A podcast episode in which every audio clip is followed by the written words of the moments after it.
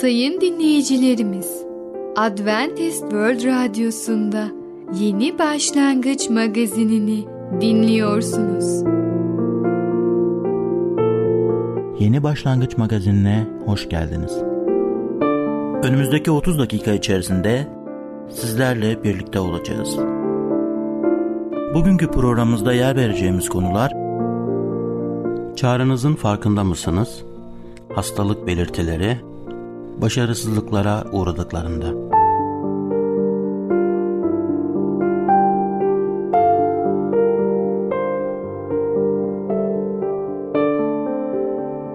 Adventist World Radyosu'nu dinliyorsunuz. Sizi seven ve düşünen radyo kanalı. Sayın dinleyicilerimiz, bizlere ulaşmak isterseniz e-mail adresimiz radio.umutv.org radio.umutv.org Bizlere WhatsApp yoluyla da ulaşabilirsiniz. WhatsApp numaramız 00961 357 997 867 06 00961 357 997 867 06 Merhaba değerli dinleyicimiz. Ben Tamer. Bereket Dağı'ndan Düşünceler adlı programa hoş geldiniz. Bugün sizlere çağrınızın farkında mısınız? Hakkında konuşacağız. Çağrımızın öncelikli olarak kutsal adamlar ve kadınlar olmak değildir. Tanrı'nın müjdesini duyuran kişiler olmaktır. Her şeyden önemli olan Tanrı'nın müjdesinin o kalıcı gerçek olarak tanınmasıdır. Gerçek insana özgü iyilik, kutsallık veya cennet, cehennem değildir. Gerçek fidye ile günahlarından kurtuluştur. Kişisel kutsallık günahlardan kurtulmamızın sonucudur, sebebi değildir. Eğer imanımızı insana özgü iyilik temeli üzerine kurursak denenme geldiğinde dibe vururuz. Pavlus kendi kendini seçtiğini söylemiyor ama seçip lütufla çağıran Tanrı razı olunca diyor Galatyalar 1.15'te. Gözlerimiz kendi kişisel kutsallığımıza bakar olduğu sürece günahlardan kurtuluş gerçeğinin yakından bile geçemeyeceğiz. Hristiyan olarak emek verenler hataya düşüyorlar. Çünkü kendi kutsal olma arzularını Tanrı'yı tanıma arzularından daha önde tutuyorlar. Pavlus kendini tamamen teslim etmişti ve tek bir amaç uğruna Tanrı tarafından seçilmişti. Bu da Tanrı'nın müjdesini duyurmaktı. Hristiyan olduğunuz zaman Tanrı'nın sizin çabınıza eklediği kendi sorumluluklarını ne kadar ağır olduğuna bir bakalım. Tanrı seni dünyanın kurtulmasından önce seçti ve kendine ait olduğunu ilan etti. Tanrı birinin sana müjdeyi açıklamasını sağladı. Tanrı sana onu bilme ve onunla yaşama isteğini verdi. Sen ona döndün ve onu yaşamına aldın. Tanrı yaşamına girdi, senin doğru ve bağışlanmış olduğunu ilan etti. Tanrı'nın sana verdiklerinden dolayı ona borçlu olduğunu düşünmen insan doğasına ait bir şeydir. Artık sorumluluğu kendi omuzuma alıp iyi bir Hristiyan gibi davranmanın zamanı geldiğini düşünebilirsin. Tanrı'yı bilmekten gelen sevincini bundan daha hızlı bir biçimde ortadan kaldıracak başka hiçbir şey yoktur. Ve eğer Tanrı için performans göstermen gerektiği yönündeki bu hatalı düşüncelere kendi başına varmazsan ne yazık ki etrafındaki diğer Hristiyanlar Tanrı'ya daha iyi itaat etmen için seni suçlu hissettirmek ve sende bir baskı ile beklenti oluşturmak için elinden geleni yapacaklardır. Bu konuşmamızda umarım Hristiyan yaşamını Tanrı'yı performansınla hoşnut etme hissini yarattığı yükleri hissetmeden nasıl yaşayacağını kutsal yazılara dayanarak anlatmaya çalışacağız. Tanrı'nın seni ne kadar derin bir biçimde sevdiğini ve seninle ilişki kurmak istediğini bir kez daha buradan size sesleniyoruz. Tanrı seninle olan ilişkisini tamamen sana bağlı bir ilişki halinde kurmadı. Ama bu ilişkiyi tamamen kendisine dayanan bir ilişki yaptı. Şimdi buna bazı ayetler de ilave edebiliriz. Peki Tanrı bizi nasıl kabul eder? İsa'nın senin için ölümü sonucunda onun lütfuyla bağışlandın. İsa'nın senin günahların için öldüğüne inanarak onun bağışlanma armağanını aldın. Öyle değil mi? Bağışlanmayı kendin kazanmadın. Sadece Tanrı seni bağışladığını söylediği zaman bu söze iman ettin. Ama kurtarıcımız Tanrı iyiliğin ve insanlara olan sevgisini açıkça göstererek bizi kurtardı. Bunu doğrulukla yaptığımız işlerden dolayı değil, kendi merhametiyle yaptı. Lütfunun zenginliği sayesinde Mesih'te kurtuluşa suçlarımızın bağışlanmasına kavuştuk. Tamamen şimdi artık Hristiyan olduğunuza göre bundan sonra kurallar değişiyor mu? Tanrı'nın artık sizden beklentileri içeren uzun bir listesi mi var? Hayır, şimdi bir dakika. Kutsal kitap buyruklarla dolu. Sana ne yapmam gerektiğini söylemeyen tek bir paragraf bulamazsın diyebilirsin. Evet, bu doğru. Kutsal kitap gerçekten de buyruklarla dolu. Ancak Tanrı sana bu buyrukları verirken aynı zamanda bunlara hiçbir zaman tamamen uyamayacağını da söylüyor. Aslında bakılırsa bunlara uymak için çabalarını artırdıkça günahın daha çok farkına varacağını anlatır. Aynı zamanda daha çok çabaladıkça daha da başarısız hissedersin. Tanrı'nın yargısını ve mahkumiyetini daha çok hissettikçe Tanrı'dan gittikçe daha uzak olduğunu düşünmeye başlarsın. Elçi Pavlus da bu duygularla mücadele ettiği zamanlar olduğunu söyler.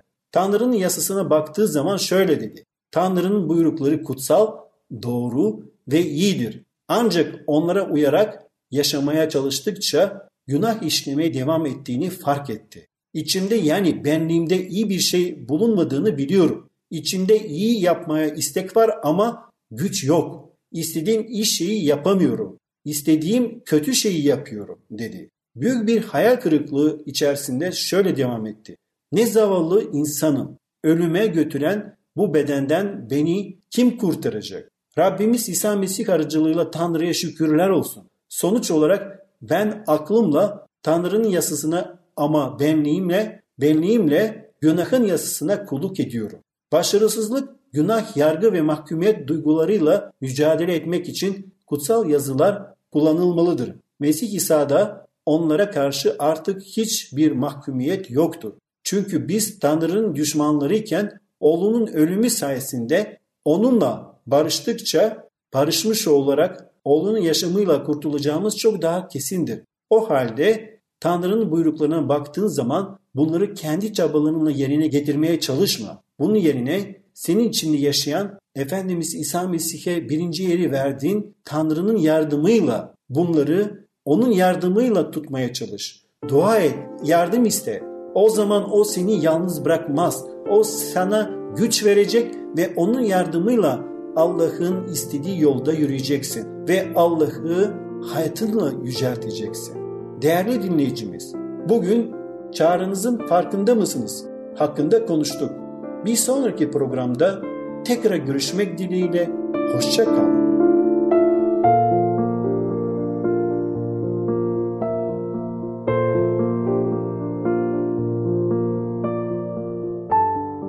Adventist World Radyosu'nu dinliyorsunuz. Sizi seven ve düşünen radyo kanalı. Sayın dinleyicilerimiz, bizlere ulaşmak isterseniz e-mail adresimiz radio.umutv.org radio.umutv.org Bizlere WhatsApp yoluyla da ulaşabilirsiniz. WhatsApp numaramız 00961 357 997 867 06 00961 357 997 867 06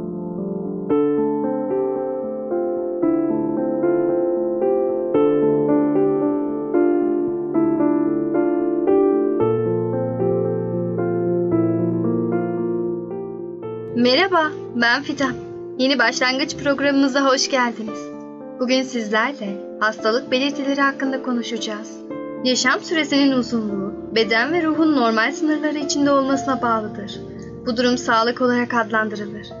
Dünya Sağlık Örgütü'ne göre sağlık, yalnızca hastalık ve sakatlığın olmayışı değil, bedenen, ruhen ve sosyal yönden tam bir iyilik halidir. Sağlığı bozan etmenlerin sayısı ve süresi arttıkça organ ve sistemler etkilenir. Sonuçta insan hastalanır, sakat kalır veya ölür. Hastalık veya rahatsızlık, beden veya zihinde meydana gelen ve görev bozukluğuna yol açan belirli bir anormal duruma verilen isimdir. Türk Dil Kurumu'na göre hastalık, organizmada bir takım değişikliklerin ortaya çıkmasıyla sağlığın bozulması durumu, rahatsızlık, çor, dert, sayrılık, illet, maraz, maraza, esenlik karşıtıdır. İnsan hastalıkları ve bunların tedavisiyle ilgilenen bilim dalı tıptır. Birçok benzer durum ve süreçler hayvanları da etkilemektedir. Hayvanları etkileyen hastalıkları inceleyen bilim dalı veteriner hekimliğidir. Hayvanlar ve insanlar dışında her organizma gibi bitkiler, enfeksiyon, besin yetersizliği veya mutasyonlar gibi çeşitli durumlardan etkilenip zarar görebilirler. Bitkileri etkileyen hastalıkları inceleyen bilim dalı bitki patolojisidir. İnsanlar tarihinin başlangıcından bu yana hastalıklarla savaştıkları halde bu çabaların bilimsel bir temele oturtulması ancak 200 yıl öncesine dayanır. Eski çağlarda hastalıkların tanrılarca verilmiş bir ceza olduğuna ve insanların içine giren kötü ruhlardan kaynaklandığına inanılırdı. Çünkü o zamana kadar hastalıkların nedeni bilinmiyor ve korkunç salgınlara yol açan bulaşıcı hastalıkların önünü almak için hiçbir şey yapılmıyordu. Orta Çağ boyunca milyonlarca insan vebadan öldü ve insanlar kara ölüm dedikleri bu hastalığı bir anın yazısı gibi kabul ettiler. 18. yüzyılın sonlarına doğru İngiliz doktor Edward Jenner çiçek aşısını geliştirdi. Fransız bilim adamı Louis Pasteur birçok hastalığın göze görünmeyecek kadar küçük canlılardan ileri geldiğini ortaya koyarak 17. yüzyıldan beri varlığı bilinen bu mikroskobik canlılar ile hastalıklar arasındaki ilişkilerin araştırılmasına öncülük etti. Zamanla doktorlar her hastalığın doğrudan doğruya canlının yapısına ya da çevreden gelen bozucu etkenlere bağlı bir nedeni olması gerektiğini kavradılar. Bir hastalığı önlemek ya da tedavi etmek için önce nedenini bilmek gerektiğinden, hangi hastalıkların nerede, ne zaman ve kimlerde ortaya çıktığını sistemli bir biçimde araştırmaya başladılar. Modern tıpta hastalıklar bulaşıcılığa bağlı, yaşlanma ve harabiyete bağlı, travmaya bağlı, ruhsal değişikliklere bağlı, tümöre bağlı, bağışıklık sistemindeki bozulmaya bağlı, metabolizmadaki değişikliklere bağlı ve nesilden nesile geçişe bağlı olmak üzere ayrılarak daha kolay tanınabilmekte ve tedavi edilebilmektedir. Hastalık belirtileri nelerdir? Sağlığımızın bozulduğu hastalık durumlarını bildiren sinyallere hastalık belirtileri veya semptomlar adı verilir. Bu sinyaller hastalıkların olduğu organ veya sistemin işlevine göre değişir. En sık görülen hastalık belirtileri ağrı, ateş, halsizlik ve yorgunluk, kilo kaybı, iştahsızlık, kilo alımı, ağız kuruluğu, öksürük, hapşırık, nefes darlığı, titreme, morarma, uykusuzluk, fazla uyku, idrar tutamama, gayta tutamama, yürüyememe, dengesizlik, konuşamama, bilinç kaybı, kasılma, kusma, bulantı, baş dönmesi, kulak çınlaması, terleme, şişme, ödem, çarpıntı. Bu belirtileri tutulan sistemlere göre gruplarsak, enfeksiyon yani bulaşıcı hastalıkların genel belirtileri, en sık görülen genel belirtiler ateş, halsizlik, iştahsızlık, kilo kaybı, deri döküntüleri ve ağrılardır. Bunların içinde en önemlisi ateştir. Enfeksiyon hastalıklarının tamamına yakın ateş artar. Vücut ısısının yüksek olmasına hipertermi denir. Vücuda girip çoğalan mikroorganizmalar kendileri veya toksinleri ile vücut savunma hücreleri arasındaki savaş sonucu ısı merkezi uyarılır. Bu uyarılma sonucu vücutta ısı üretimi artar. Böylece ateş yükselmiş olur. Üst ve alt solunum sistemi hastalıklarının genel belirtileri. Solunum sistemi burundan başlayarak solunum borusu yolu ile akciğerlere ulaşır. Buralarda travma, enfeksiyon, tümör sonucu çok farklı hastalıklar oluşabilir. Üst solunum yolunda nezle, grip, larenjit, farenjit, rinit, alt solunum yollarında bronşit, astım, zatüre, akciğer tümörleri, apseler gibi hastalıklar farklı belirtilere gidebilir. Üst solunum sistemi Ateş, boğaz ağrısı, boğaz kaşıntısı, yutma güçlüğü, bulantı, burun akıntısı, tıkanıklık, öksürük, ses kısıklığı, iştahsızlık, genel vücut ağrısı, hapşırma, burun kanaması, baş ağrısı, büyümüş lenf bezleri görülebilir. Alt solunum sistemi, halsizlik, kilo kaybı, balgam, ateş, kan tükürme, göğüste yanma, solunum sıkıntısı, öksürük, soluk renk, ızlık şeklinde solunum, çomak parmak, paslı dil, gece terlemesi, çarpıntı tansiyon düşüklüğü görülebilir. Dolaşım sistemi ve kan hastalıklarının genel belirtileri. Kol bacak damar hastalıkları, kan hastalıkları yani lösemi, lenfoma, anemi, pıhtılaşma bozuklukları bu sistemin en sık görülen hastalıklarıdır. Bunların belirtileri şu şekilde olabilir. Kalp, kalp damar, kalp kapak, doğuştan kalp hastalıkları belirtileri. Özellikle gece ortaya çıkan solunum sıkıntısı, ancak otururken uyuyabilme, öksürük, balgam, çarpıntı, terleme, bacak ödemi, karaciğer ve dalak büyümesi, gece idrarı sık çıkma, yorgunluk, yüzde renk değişikliği, sıcak basması, baş ağrısı, iştahsızlık, uykusuzluk, nabız düzensizliği, bulantı, kusma, fiziki gelişme geriliği, bayılma olarak sıralanabilir. Kan basıncı değişiklikleri belirtileri ise baş ağrısı, yorgunluk, ense ağrısı, çarpıntı, unutkanlık, kulak çınlaması, gözde noktalanma, bayılma, renk değişikliği, baş dönmesi, bulantı, kusma ve komadır. Kol bacak damar hastalıkları, yorgunluk, tüy dökülmesi, renk ve ısı değişikliği, uyuşma, karıncalanma, hissizlik, ağrı. Programımızın sonuna geldik. Bugün çeşitli hastalık belirtilerini öğrendik. Lütfen bu belirtiler sizde varsa bir doktora danışınız. Sağlıcakla kalın. Adventist World Radyosu'nu dinliyorsunuz. Sizi seven ve düşünen radyo kanalı. Sayın dinleyicilerimiz, bizlere ulaşmak isterseniz e-mail adresimiz radio.umutv.org radio.umutv.org Bizlere WhatsApp yoluyla da ulaşabilirsiniz. WhatsApp numaramız 00961 357 997 867 06 00961 357 997 867 06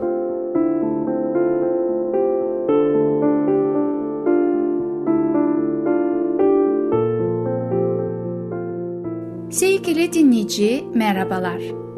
Ey Babalar programıyla sizinle birlikte olmaktan mutluluk duyarım ben Ketrin. Bugün sizlere konuşmak istediğim konunun ismi başarısızlığa uğradıklarında. İlk önce başarısızlık bir kriz oluşturur. Bunu bilmeliyiz. İblis avantajını daha da ileriye götürüp bizi daha da büyük bir yenilgi içinde yerde tutmayı ister. Ne kadar çabuk ayağa kalkıp yolumuza devam edersek bizim için o kadar iyi olacaktır. Öyleyse çocuklarımızın başarısızlığa uğradığında ne yapabiliriz? İlk olarak konuyu hiçbir zaman hafife almamalıyız.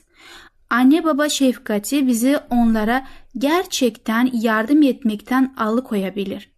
Yanlış şeyleri yaptıklarında onlara mazur göstermeye çalışmamalıyız. Çünkü onlar da kendileri için kolayca mazeretler düşünebilirler. Onların başarısızlığından ötürü başkalarını da suçlamamalıyız. Kendi davranışların sorumluluğunu üzerlerine almalıdırlar. Kendilerinden konuyu açmak için bize geldiklerinde genelde bunu yapmaya hazırdırlar.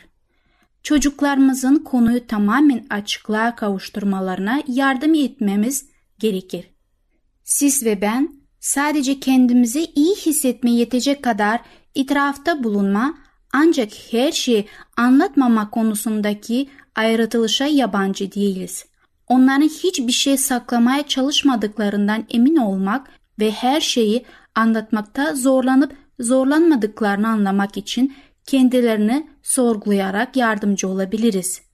Bazı çocukların içlerini tamamen dökmedikleri için anne babalarına ikinci bir kez daha gitmeleri gerekmiştir.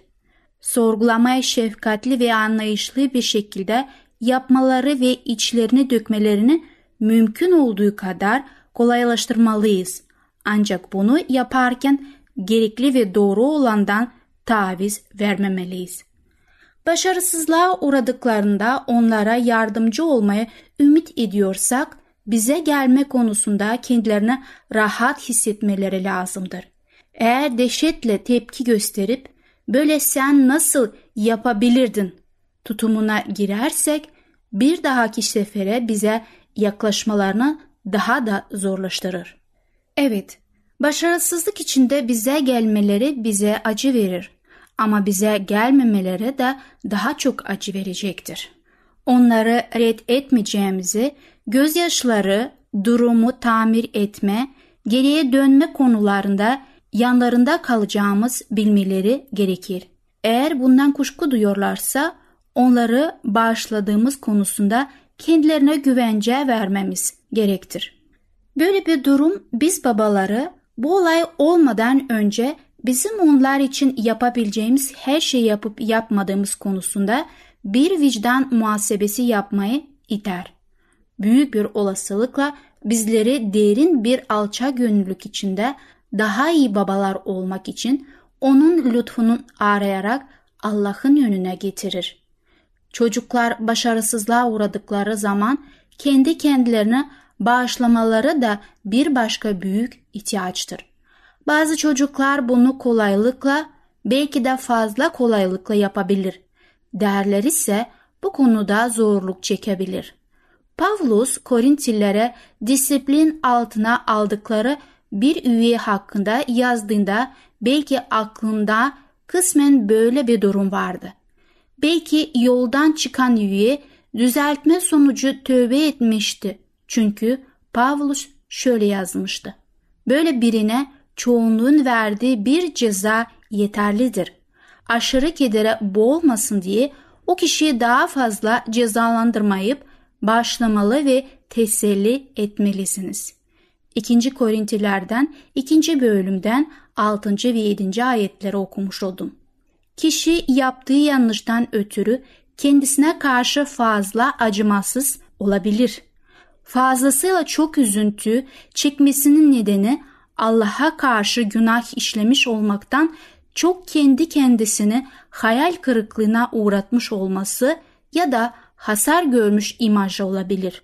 Belki temizlenme konusunda da İsa Mesih'in kanına güvenmemektedir. Kendisini çok fazla suçlama, İsa'nın kanının gerçekleştirmiş olduğu işe hakarete çok tehlikeli bir şekilde yaklaşır. Tövbe etmiş olan bir günahlı kardan beyaz yıkanmış olduğu düşüncesinden teselli bulmalıdır. Yaşama geri dönmek ve eskisi gibi yaşamaya devam etmek önemlidir. Eskisi gibi yaşamaya devam etmek mi? Hem evet hem de hayır. Gerçekten pişman olduğumuzda aynı tuzağa yeniden düşmemek için dikkatliyizdir. Bu yüzden bir çocuk başarısızlığa uğradığında onun aynı şeyi tekrarlamaktan korumak için gerekli önlemleri alma konusunda yardımcı olmalıyız. Kendisini kötü etkilere maruz mu bırakıyordu? Rab'le geçirdiği zaman konusunda fazla mı gevşekti? Bu olayı herkes için öğretici bir deneyim haline getirebiliriz. Durum daha kötüye gitmeden düşüş yolunda durdurup düzeltildiği için hepimiz sevinebiliriz. Başarısızlıklar üzer ama bu anlar aslında çok değerlidir. Bu zamanlar bizi ve çocuklarımızı birbirimize çok yaklaştırır. Hem onlar hem de biz bunlar aracılığıyla daha kuvvetli olabilir ve canlarımızın düşmanına karşı güçlendirebiliriz.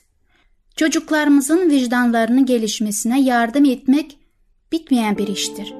Erken yaşlarda başlar ve hiçbir zaman tamamen bitmez.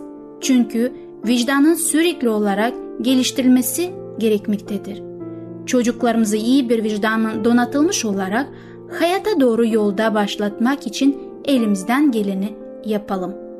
Sevgili babalar, Rab sizleri bu zor yolda bereketlesin ve sizlere doğru kararlar almaya yardımcı olsun. Başarısızlığa uğradıklarında adlı konumuzu dinlediniz. Bir sonraki programda yeni bir konuyla tekrar görüşmek dileğiyle Hoşçakalın. Adventist World Radyosu'nu dinliyorsunuz. Sizi seven ve düşünen radyo kanalı. Sayın dinleyicilerimiz, bizlere ulaşmak isterseniz e-mail adresimiz radio.umutv.org radio.umutv.org Bizlere WhatsApp yoluyla da ulaşabilirsiniz. WhatsApp numaramız 00961 357 997 867 06 00961 357 997 867 06 Gelecek programımızda yer vereceğimiz konular imanda olgunluk, yaratılış hikayesi, daha büyük çocuklarımızla iletişim. Yeni Başlangıç adlı programımızı pazar, salı ve perşembe günleri aynı saatte dinleyebilirsiniz. Bir programımızın daha sonuna geldik. Bir dahaki programda görüşmek üzere, hoşçakalın.